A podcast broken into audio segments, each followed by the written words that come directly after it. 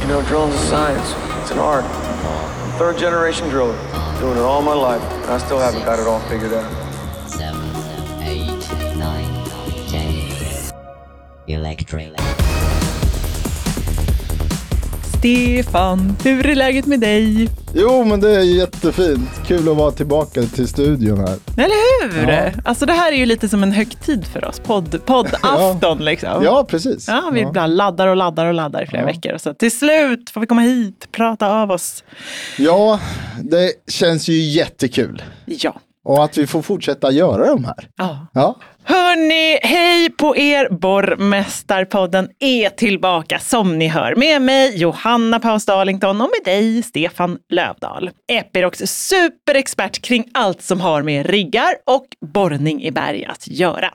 tack Johanna. Kul att vara här igen. Ja. Ja, Du, idag ska vi prata om något som eh, jag vet ingår lite i jobbet för de allra flesta borrare, i alla fall hanteringen av det, nämligen dolor. Alltså sprängmedel som är kvar i berget. Så det här låter ju för mig helt eh, galet, eh, livsfarligt och eh, otroligt läskigt. Eh, hur stort är problemet med dolor egentligen? Hur ska man göra för att inte råka ut för en? Och när man väl stöter på en dola, vad är viktigast att tänka på då? Stefan, är du redo att borra ner dig i dolorna? verkligen inte. det vill du inte göra. Bra, du klarat det första testet. Ja, det är bra, tack. Det var, det var en slamkrupare. Ja. Ja. Okej, jag tycker att vi börjar med en liten faktaruta. En sprängsalva består av borrhål med sprängmedel i som kopplas ihop när det ska sprängas. Ibland händer att inte allt sprängmedel i sprängsalvan detonerar. Sprängmedel som blivit kvar kallas dolor och om de inte upptäcks eller rensas bort är risken att de detonerar vid ett annat tillfälle istället. För att det ska hända behövs ett slag eller friktion mot sprängmedlet, till exempel av en borrmaskin eller en grävskopa. Att stöta på en dola kan med andra ord bli riktigt farligt. Stefan, du är ju borrexpert och inte sprängexpert. Det har vi ju redan konstaterat i vår eh, sprängavsnitt bland Precis. annat. Mm. Så för att vi ska få lite kött på benen här idag så har jag bjudit in någon som både kan mycket om dolor och har en hel del att säga om det här. Välkommen hit Jan Johansson, vd för Bergsprängningsentreprenörernas förening, BEF. Tackar, tackar. Hej, hej. Du brukar ju föreläsa en hel del om dolor. Eh, hur stort är problemet med det här skulle du säga? Ja, alltså problemet är väl stort, men risken att något ska hända är inte speciellt stor. Men eh, konsekvensen är ju, den kan bli väldigt förödande om det faktiskt skulle bli en detonation. Mm. Hur stor skulle du säga är medvetenheten kring dolor? Är det här något som folk känner till där ute? Medvetandet har ju ökat, men det behöver öka ändå mer för att när jag är ute och föreläser om de här dolorna så, så tyvärr då så måste jag säga att eh, jag stöter ju fortfarande på en, en otrolig mängd okunskap om det här och det finns många grävmaskinister och kanske även borrare då som inte har en aning om det här och man har aldrig liksom reflekterat över problemet överhuvudtaget. Så att det, det här måste ju liksom hela tiden lyftas fram, absolut. Rent historiskt så kan man väl säga att eh, det har tystats ner och eh, det har funnits ett stort mörkertal. Men eh, på senare tid så har det lyfts upp och idag så är det på dagordningen hos de allra flesta. Ja, Det tystas ner och mörkertal, det, har, det låter ju inte alls något bra. Nej, det men det var väl så förr i tiden när jag började en gång för hundra år sedan så, så var det så att man ville inte visa på att någonting olämpligt hände ute på arbetsplatserna utan man var tyst om det helt enkelt. Och givetvis om det hände en allvarlig olycka så gick det inte att mörka ner det men att om det detonerade en, i en kross till exempel så var det ingen som pratade om det. Utan man, man eh, tyckte att det, får, det tillhör lite grann jobbet. Men så kan det ju inte vara. Nej, det kanske inte bara gäller den här branschen heller. Att det Nej, så är det var säkert. lite mer så förr i tiden tänker jag. Jag tycker de senaste åren så har man ju lyft det här med säkerhet väldigt mycket. I alla fall inom, inom, inom vårt bolag och alla andra bolag man tittar eh, att det är säkerhet och man ska ha de här ID06 och SSG och allting. Så att det ligger väl i tiden att sånt här också kommer, kommer på tal tänker jag. Absolut, absolut. Och eh, en eh, stor aktör på, på marknaden är ju Trafikverket. Och min uppfattning är väl att de har inte egentligen insett det här problemet med doler. Men eh, idag så har vi till och med en arbetsgrupp där vi sitter med Trafikverket och de har med det på sin dagordning och det är ju, det är ju positivt. Ja, det låter bra. Eh, vad är det som gör att vissa eh, spränghål inte detonerar då? Eller att eh, dolor uppstår på annat sätt? Ja, det kan bero på en otrolig massa olika saker, men eh, det kan vara allt ifrån produktfel, det kan vara fel på en tändare, sprängämne är det väl sällan fel på, men det kan vara fel på det. Eh, handhavande fel, det finns tekniska orsaker som man benämner som ryckar och allt möjligt sånt här. Men det finns en, många olika sätt och det är många gånger som berget som styr, om det blir problem att ladda och så vidare. Men, eh, vad, vad skulle du säga är kanske det vanliga? Har du någon så här idé på vad som är vanligast som blir? Ja, det, det beror ju alldeles på vad det är för typ av projekt. Men eh, det som jag tror är väldigt vanligt det är det som vi kallar för ryckare. Det är helt enkelt att, eh, att när detonationen av en salva börjar så, så hinner inte alla hål att, att tändas upp på ett korrekt sätt innan berget börjar röra på sig. Och då delar sig berget och kan då dela laddsträngen i bakomvarande hål så att säga. Min bestämda uppfattning, jag vet att inte alla delar den med mig, men min bestämda uppfattning är att man inte ska använda stötvågssystem när man, när man täcker med tyngdtäckning, gummimattor. Eftersom det här stötvågssystemet går ju inte att kontrollera innan man skjuter och det är väldigt lätt hänt att eh, det faktiskt blir en skada på de här slangarna och då, då får man eh, odetonerat sprängämne kvar i, i berget. Nu får du ursäkta min okunskap lite, men stötvågssystem, vad är det då?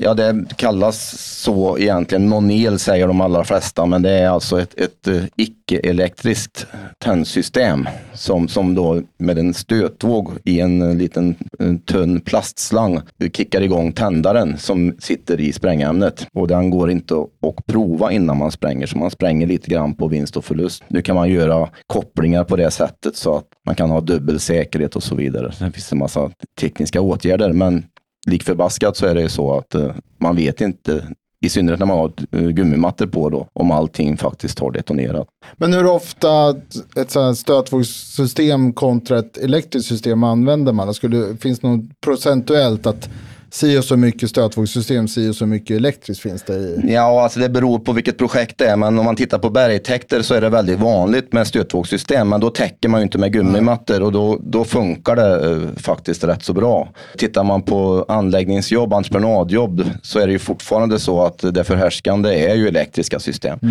Och sen har man ju fått nu då elektroniska tändare då.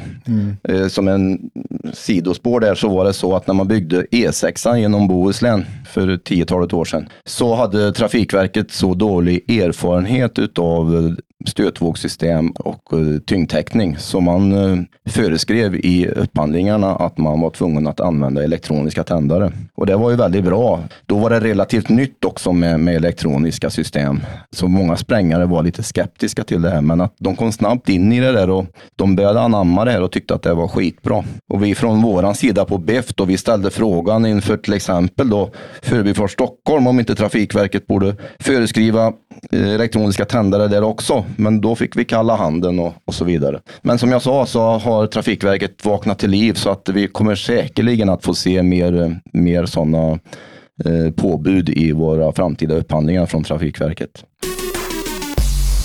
Vad är riskerna störst då för de som är ute och borrar? Ja, det är otvivelaktigt eh, gamla sprängbottnar. Så att det, det, är, det är risken absolut störst. Och det var det jag menade lite grann med att de allra flesta borrare är väl medvetna om att, eh, eller jag hoppas att de är medvetna om att det faktiskt kan förekomma dolor i gamla sprängbottnar.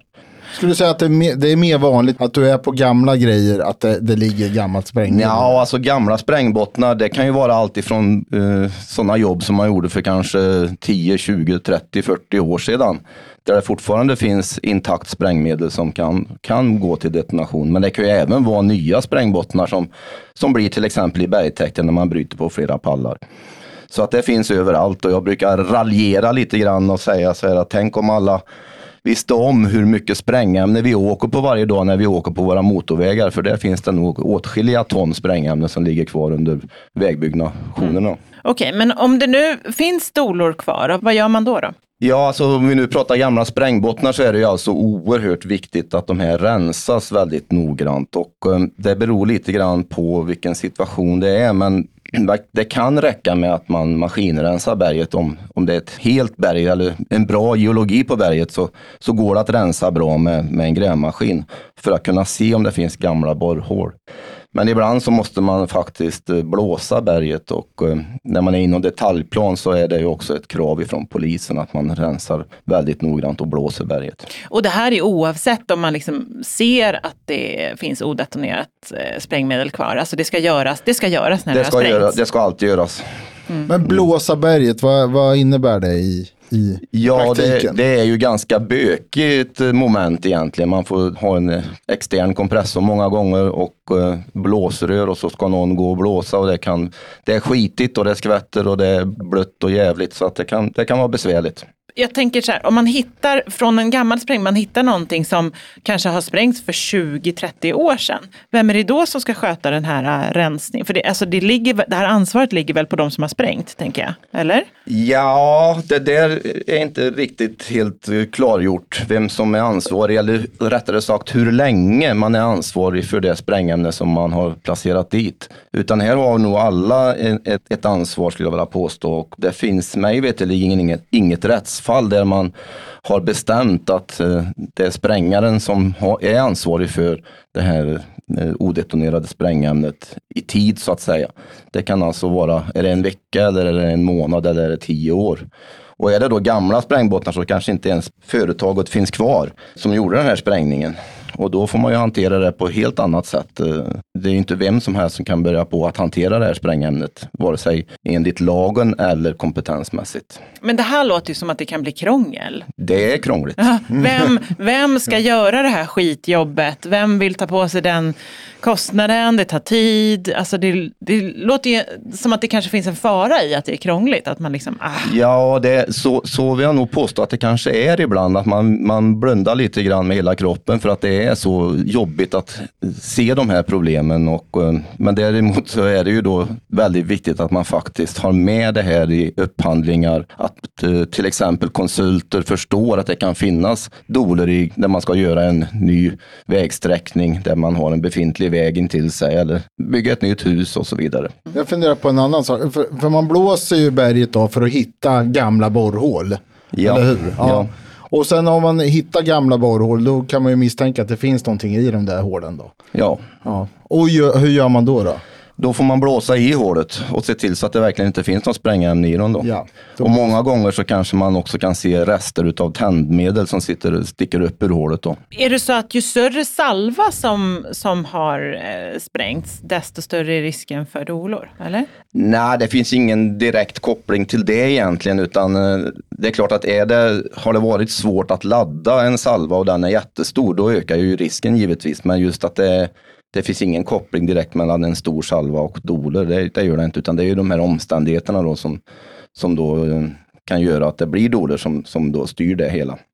Hur stor är risken, alltså under en karriär, hur, hur stor är risken att man stöter på en doula? På något, alltså det behöver inte vara att den sprängs utan att man bara ser den. Liksom. Hur ofta händer det? Alltså som borrare är det kanske inte så, om man jämför med till exempel en, en grävmaskinist som, som hanterar det sprängda berget, de, de råkar ju ut för betydligt mer doler än vad en borrare gör. Så att eh, det är ju olika grader i helvetet där med, så att en grävmaskinist kanske är mer utsatt än en borrare faktiskt. Hur skulle du säga då att det funkar? Alltså nu har ju du berättat hur det liksom bör funka i, i teorin, hur man vill att det ska funka, att det alltid blåses, att man kontrollerar och sen hittar man någonting så ska det blåsas igen och ja, sådär. Men hur funkar det då där ute? Görs allt det här? Ja, alltså som jag sa så har ju medvetenheten ökat och eh, även bland eh, projekterare, konsulter och så vidare så börjar man få upp ögonen för det här. Så förhoppningen är väl att, att, eh, att man faktiskt tar det här på allvar. Men jag skulle ändå vilja skicka med en, en, en puck då till de som borrar att det är de faktiskt som kan avgöra det här på bästa sätt. Om det är tillräckligt rensat eller inte. Ja. Det ligger ett stort ansvar hos borrarna. Det hör man ju också. Att borrarna, när de kommer ut och så, ibland tycker man inte att det är bra. Nej, rensat. och det här är lite jobbigt då kanske för många då att man ska gå till en platschef eller vad det nu kan vara då och stanna bygget och det kostar pengar och så vidare. Så då kanske man inte tar det där utan man kanske chansar lite grann och det, det är ju det sämsta man kan göra i det här läget. Ja, verkligen. Man kanske är ung, ny. Precis. Det kan ju verkligen vara supertufft just när man vet hur mycket pengar det ligger i varje, varje minut nästan. Jo, men det är rätt tufft det där tycker jag, att, att gå in och säga att, ja, men vi har ju varit inne på det förut, att bygga vägar och liknande, men här är ju lika, lika intressant att man, man måste säga till att nu måste du rensa bättre. Nu, är, det, Ja, nu är det för dåligt rensat. Ja. Och gå in och säga det och kanske få ta den där argumentationen någonstans, varför Jo. man ska göra det här. men då är det ju viktigt att man har stöd ifrån sin, sitt eget företag och företagsledningen så att man verkligen har den rättigheten så att säga internt att verkligen göra det. Det är väl också viktigt att man har erfarenheten, att man faktiskt ser, att, alltså att, man, kan, att man kan avgöra att, om det här är dåligt rensat eller inte. Jo men det är som alltid, det är erfarenhet och kunskap som, som styr Ja. hela tiden. Men om man ska stanna lite där då. Hur ser en dola ut? Alltså rent på riktigt. Alltså om man är på berget, ser någonting som ser konstigt ut, eller? Va, va, liksom... Ja, alltså när vi pratar dolor så kan man ju på något sätt gradera då hur farliga de är så att säga. Och det där blir mest dolor, det är när man håller på att ladda med patronerat sprängämne. Det kan alltså vara dynamit eller patronerad emulsion och så vidare. Då ser man ju det här resterna av det här sprängämnet och det kan ju se ut på många olika sätt för det har blivit påverkat under, under sprängningen, den tidigare sprängningen då. Så det kan ju vara trasiga patroner, det kan vara lösa bitar som ligger lite här och där och så vidare. Så att eh, det kan vara ett problem att se de här och därför är det ju viktigt att man då har eh, kunskap om vad det är för sprängämne och hur sprängämne ser ut och hur det har sett ut så att säga. Hur ser en dynamit ut och så vidare. Får borrare generellt den här, får de någon utbildning i det här? Är det något som ingår i någon typ av, jag vet inte, lärlingsprocedur eller handledningspraktika? Ja, alltså doler tar man upp på borrkurser och så vidare, men inte kanske mer precis hur de ser ut, utan det, det får man ju kanske internutbilda helt enkelt. Och är man på en arbetsplats där, där det är, när man håller på och spränger jungfruligt berg, så är det ju viktigt att borrarna är med på uppstartsmöten och så vidare och får se vad sprängarna har för, för sprängämne och använder då, vilka tändsystem de använder. Det kanske är precis just det här du pratar om till exempel när du åker runt och håller föreläsningar om Ja, om det är dollar. precis det jag pratar om. Mm. Du åker mycket till företag, eller hur? Ja, jag är ute jättemycket och har gjort det nu i 15-20 år och försökt att förmedla. Inte så mycket kanske till borrare egentligen, utan det har varit mest till eh, crossentreprenörer, grävmaskinister och så vidare. Men det har även varit borrare med på de här, de här eh, informationsträffarna. Finns det någon typ av sprängning som är säkrare än andra när det gäller dolor? Ja, alltså idag så till exempel i bergtäkter så använder man ju idag nästintill uteslutande skulle jag vilja påstå så kallat bulksprängämne. Det är ju ett flytande sprängämne som man pumpar ner i, i hålet. Det är betydligt säkrare i, i den meningen att eh, det är svårt att få det till detonation genom mekanisk påverkan. Men sen är det så att i de här salverna så har man också patronerat sprängämne alltid i någon gång. Eh, Eller i någon mening så har man det eftersom det här är inte sprängkapselkänsligt det här sprängämnet utan man måste ha en dynamit eller en annan form av booster som kickar igång det här sprängämnet. Så det är ingen garanti i en bergtäkt till exempel där man använder bulksprängämne. Det finns alltid patronerat med, men det blir ju betydligt mindre andelar. Och sen har vi ju fått elektroniska tändare, de ökar väl också säkerheten lite grann. När jag började då för många år sedan så, så, så var det så att man, man tystade ner det här och så vidare.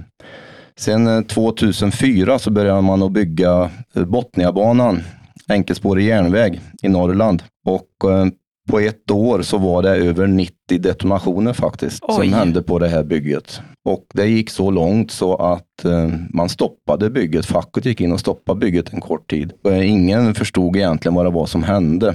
Så man tillsatte en utredning med ingående parter ifrån de som höll på där uppe och från beställaren. Staten var ju beställare där, Botniabanan och Trafikverket var med, eller Vägverket Produktion hette de på den tiden. Och eh, det gjordes en ganska omfattande utredning och man kom väl inte fram till jättemycket egentligen, men eh, det var två saker som man kom fram till och det ena var att man inte fick eh, fortsätta jobba när det var mörkt ute. Och det kan man ju förstå då uppe i Norrland vintertid så är det ju mörkt fort. Ja, det är inte många timmar att spela på då. Och den andra saken var att man gick in och föreskrev att man var tvungen att ha minst två tändare i varje borrhål. Det var ju inget som man hade tänkt på innan, utan alla räknar ju så billigt som möjligt. Men nu blev det tvunget att använda två tändare och då blir det ju lika för alla. Efter de här åtgärderna då så, så var det ytterligare kanske bara några detonationer, fyra, fem detonationer på hela bygget och det var många år kvar på bygget. Men min personliga uppfattning var nog att det som verkligen gjorde nytta, det var att man helt enkelt stannade upp och tänkte på det här och eh, folk blev medvetna och försiktigare och man blev noggrannare helt enkelt. Vad är den värsta dololyckan då, som du, du känner till? I någorlunda närtid så, så har vi ett dödsfall i Stockholm 2006. Vi har en svår invalidisering i Göteborg 2011 och sen har vi ett dödsfall utav en grävmaskinist i Kristianstad 2015. Så de här dödsfallen då 2006 och 2015 är ju de värsta då. Om vi väljer en av de här olyckorna, kan du berätta vad det var som hände? Ja, jag kan prata om den här olyckan som hände i Göteborg till exempel då, där en, en kille blev svårt invalidiserad. Han kom som sprängare nummer två till en arbetsplats där det var kanske lite lite mer eller mindre kaos på arbetsplatsen och så skulle han då städa upp efter den föregående sprängaren och skulle borra i botten. Det fanns en massa som, som vi kallar för taggar i botten. Och så blåste han rent en yta som han tyckte var tillräckligt och Eh, började borra. Men sen så när han hade borrat ner en bit där, någon meter eller vad det nu var, så small det. Utredningen senare visade ju då, inte enligt honom, men enligt eh, Arbetsmiljöverk och polis då, så menar de på att han hade inte blåst berget tillräckligt. Och det kan man ju ha, ha olika åsikter om, om man hade gjort det eller inte. Men det hände ju, så att eh, tydligen så var det inte tillräckligt i varje fall.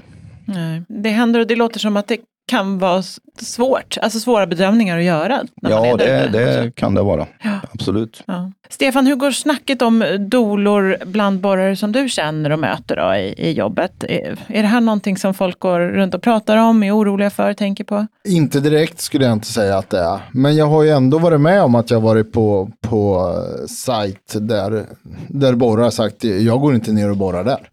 Det där får de hålla på och rensa innan jag går ner där. Så det, det har jag varit med om att folk har sagt. Vilket är ju bra, är- Ja, då har man ju det där absolut. skinnet på näsan som man behöver Ja. Och kanske. han hade ju fullt, eh, full backning av sin, sina chefer. Så att det var ju ingen snack. Alltså. Han skulle inte ner dit och borra någonting.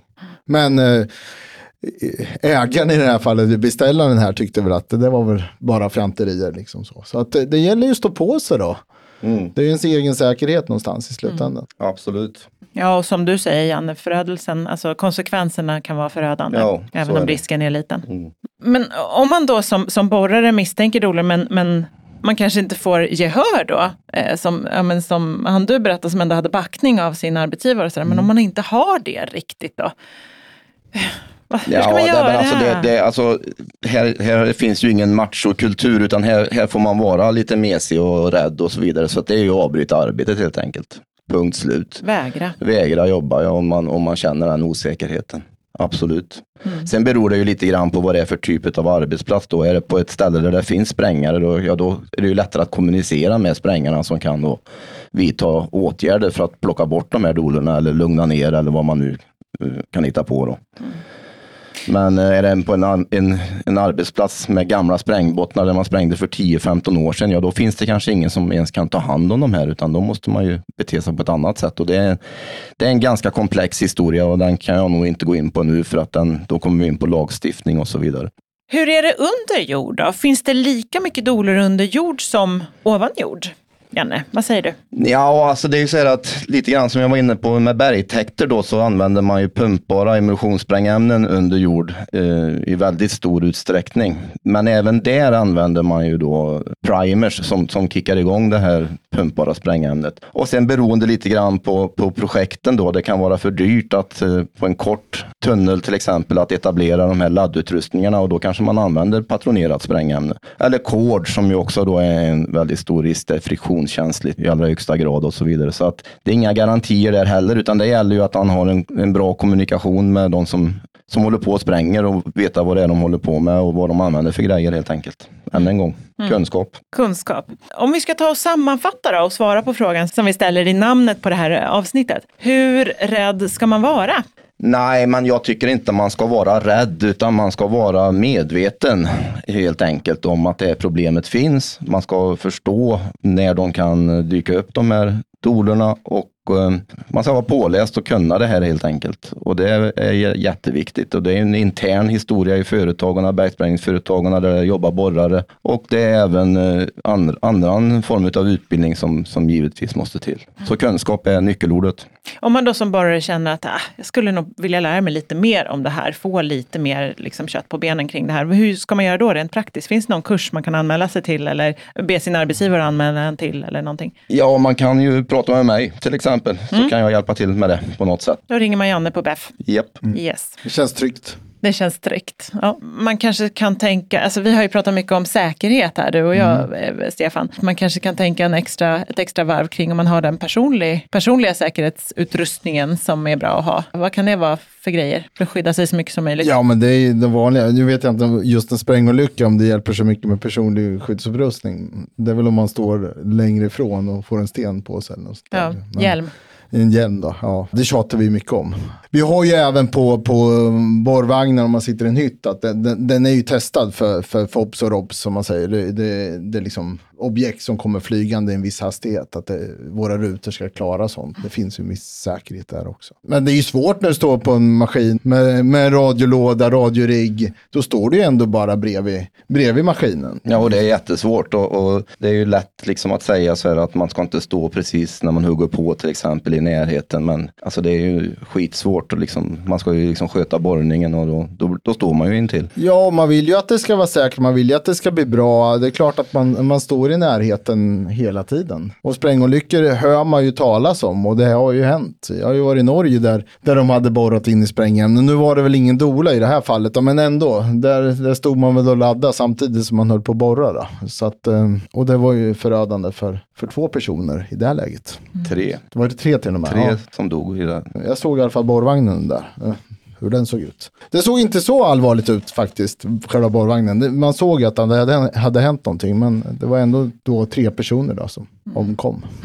Sprängmedel ska man absolut ha respekt för, det kan vi konstatera. Mm. Och om man ska sammanfatta det vi pratat om idag så är det väl kanske just det då, att de flesta känner till problemet, vet att det finns, har det med sig i bakhuvudet i, i sin vardag. Men medvetenheten behöver ändå alltid bli större. Det behöver också skrivas in i avtal och så redan från början vem som ska ta hand om eventuella problem kring det här med om man måste rensa och blåsa mer än vad man kanske räknat med och så. Eller hur? Absolut. Yes.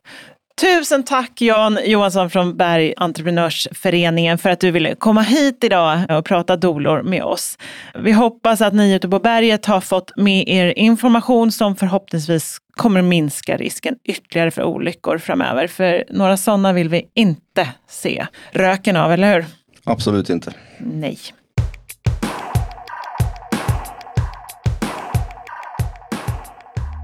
Hörni, då har det blivit dags för nästa punkt i programmet, nämligen Goliats verktygslåda. Goliats verktygslåda. Till er som har Smartrock T35 T40 om ni får upp en symbol i displayen som ser ut som en finne som gör ont så är det stor risk att det är någon av givarna som har antingen felat eller är felaktig. Gå in på givare så ser du antingen att den är gul eller röd eller grönmarkerad. Är den gul så kan du trycka på återställ. Är den röd så är det felaktigt och behöver bytas. Tips till de flesta topphammarborrmaskinerna. När ni fyller fett i växeln, se till att ta bort pluggen och se till att det kommer ut fett. Ju oftare man gör det, ju mindre fett behöver man fylla och lättare att hålla koll på fettförbrukningen i hammaren. Och det, mina vänner, var allt från oss för nu. Tack för att ni lyssnat och glöm inte att gå in på bitsmagasin.se för att ta del av massor av spännande stories och tips.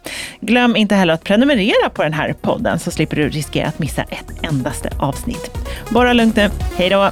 Hej då!